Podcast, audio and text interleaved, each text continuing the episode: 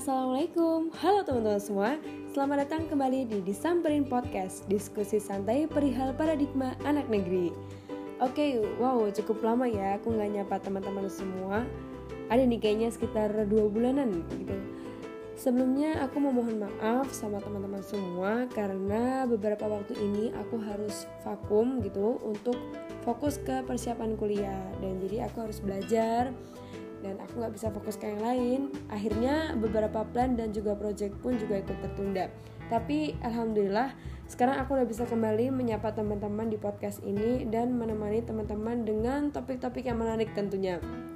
Nah, pas banget nih hari ini aku mau bawa satu topik yang cukup marak gitu di antara teman-teman, mungkin bahkan di antara aku juga gitu.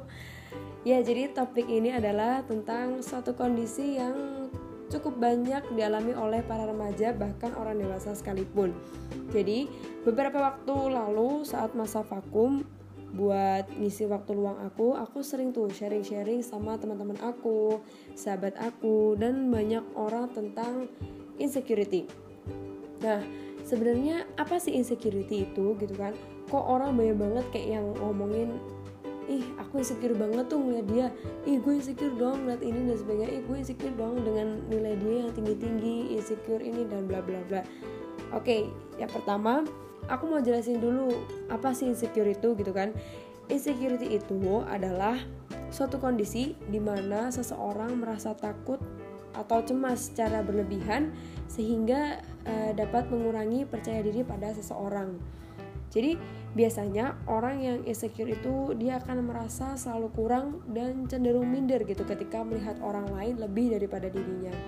Dan insecurity ini bisa hadir kapan aja loh teman-teman dan juga ke siapa aja termasuk aku gitu. Aku juga pernah gitu insecure dikira masa aku pernah insecure tuh kan.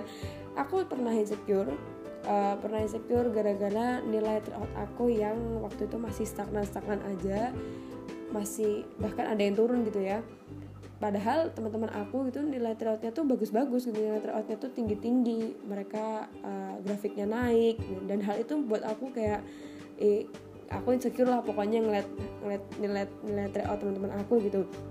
Dan aku juga bisa bar, baru bisa memaknai yang namanya insecure itu ya baru sekarang gitu waktu itu ditambah ngeliat dan ngedenger teman-teman yang suka sharing soal keinsecurity mereka gitu. Jadi akhirnya kita berbagi keinsecurity kita dan hal itu membuat aku kayak apa ya aku tuh kepo gitu sama apa insecure ini gitu. Jadi kayak gimana caranya sih kayak kita tuh ngehandle insecurity biar rasa insecure itu nggak ngedistract percaya diri kita yang sebenarnya udah kita build dari lama gitu.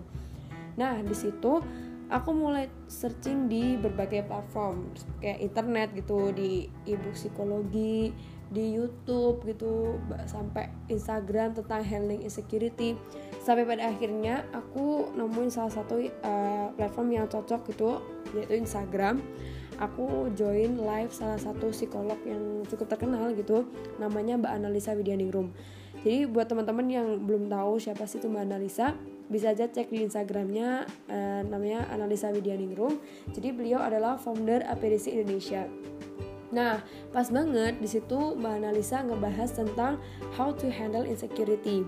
Dan di situ aku bisa uh, cukup menyimpulkan dari apa yang disampaikan Mbak Analisa. Jadi ketika seseorang merasa insecure, itu adalah suatu hal yang wajar ya yang dialami oleh manusia. Jadi that it's human gitu semua orang bisa merasakan yang namanya insecure. Dan ketika insecure itu datang, hal yang perlu kita lakukan adalah menghandle rasa insecurity itu agar tidak mendistract uh, self confidence kita. Pertanyaannya adalah bagaimana caranya gitu kan? Jadi uh, dari live-nya Mbak Analisa gitu aku bisa nyimpulin. Jadi hal yang pertama yang harus kita lakukan uh, untuk menghandle atau menghadapi insecurity itu adalah coba apresiasi dirimu dan pencapaianmu. Itu yang pertama jadi emang uh, di setiap kita itu punya tolok ukur keberhasilannya berbeda-beda jadi uh, mungkin di antara aku dan teman-teman semua kita punya standar keberhasilan yang berbeda-beda maka uh, dengan kita mengikuti atau forcing diri kita buat kayak ngikutin glorifikasi masyarakat tentang standarisasi keberhasilan itu justru membuat kita kayak merasa selalu kurang gitu dan berakhir pada kurang bersyukur gitu. Bukan berarti sebenarnya gini sih teman-teman bukan berarti aku ngarang kalian atau atau aku menganggap kita nggak boleh ikut standarisasi yang udah dibuat masyarakat gitu tapi eh, bukan gitu sih ya konsepnya. Jadi sebenarnya kita boleh gitu boleh ikut uh, apa ya yang standarisasi yang udah dibuat oleh masyarakat. Tapi syaratnya ketika kita merasa gagal dalam mengikuti standarisasi yang udah dibuat itu kita jangan langsung down dan merasa kayak wah kayak aku nggak pantas tahu uh, apa ngikutin apa caranya dia gitu. Ya, kayaknya emang aku nggak pantas tau eh, emang kayaknya gue bego tau emang gue kayak gini dan sebagainya gitu.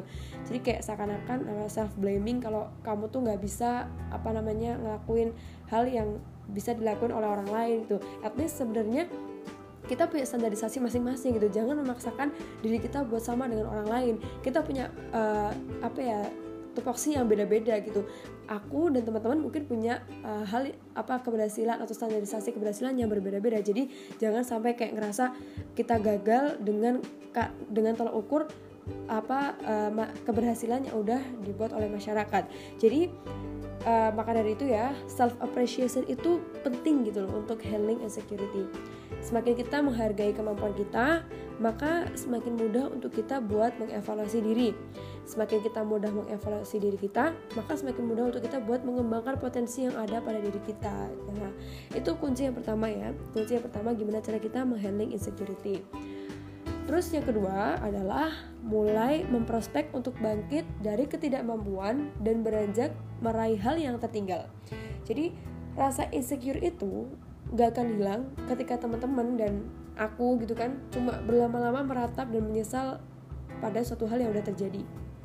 Jadi insecure itu juga gak akan berakhir gitu akan dan akan tetap selalu akan tetap selalu dan akan tetap menghantui kita kalau kita emang nggak bergerak buat melakukan suatu hal uh, yang bermanfaat buat ke depannya gitu.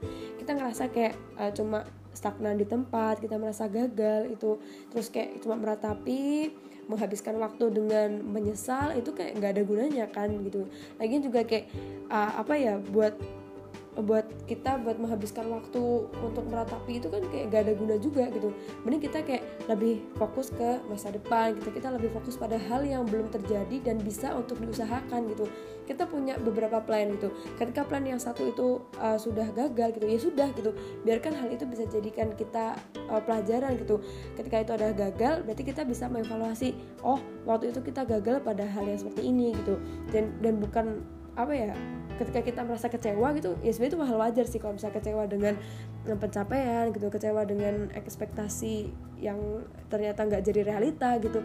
Itu hal yang wajar menurut aku. Tapi uh, bukan menjadi suatu hal yang wajar ketika kita uh, terlalu lama meratapi terlalu lama uh, menyesali gitu ya karena kita punya plan yang lain yang bisa diperjuangkan kenapa nggak diperjuangkan gitu kan?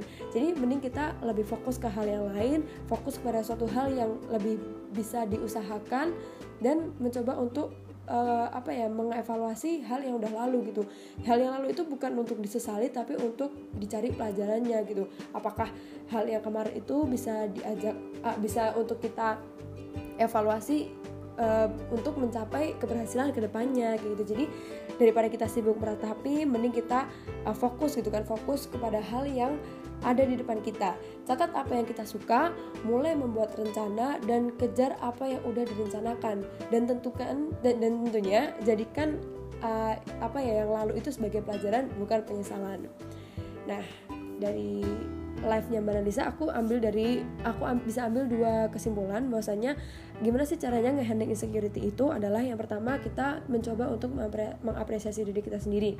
Dan yang kedua adalah memprospek jika ketika kita udah uh, mengapresiasi apa yang udah kita lakukan gitu lalu kita memprospek gitu kan memprospek uh, apa yang harus kita lakukan dengan uh, yang sudah kita punya saat ini gitu keberhasilan apakah yang harus kita peroleh nantinya ketika kita uh, apa ketika kita berusaha mulai hari ini?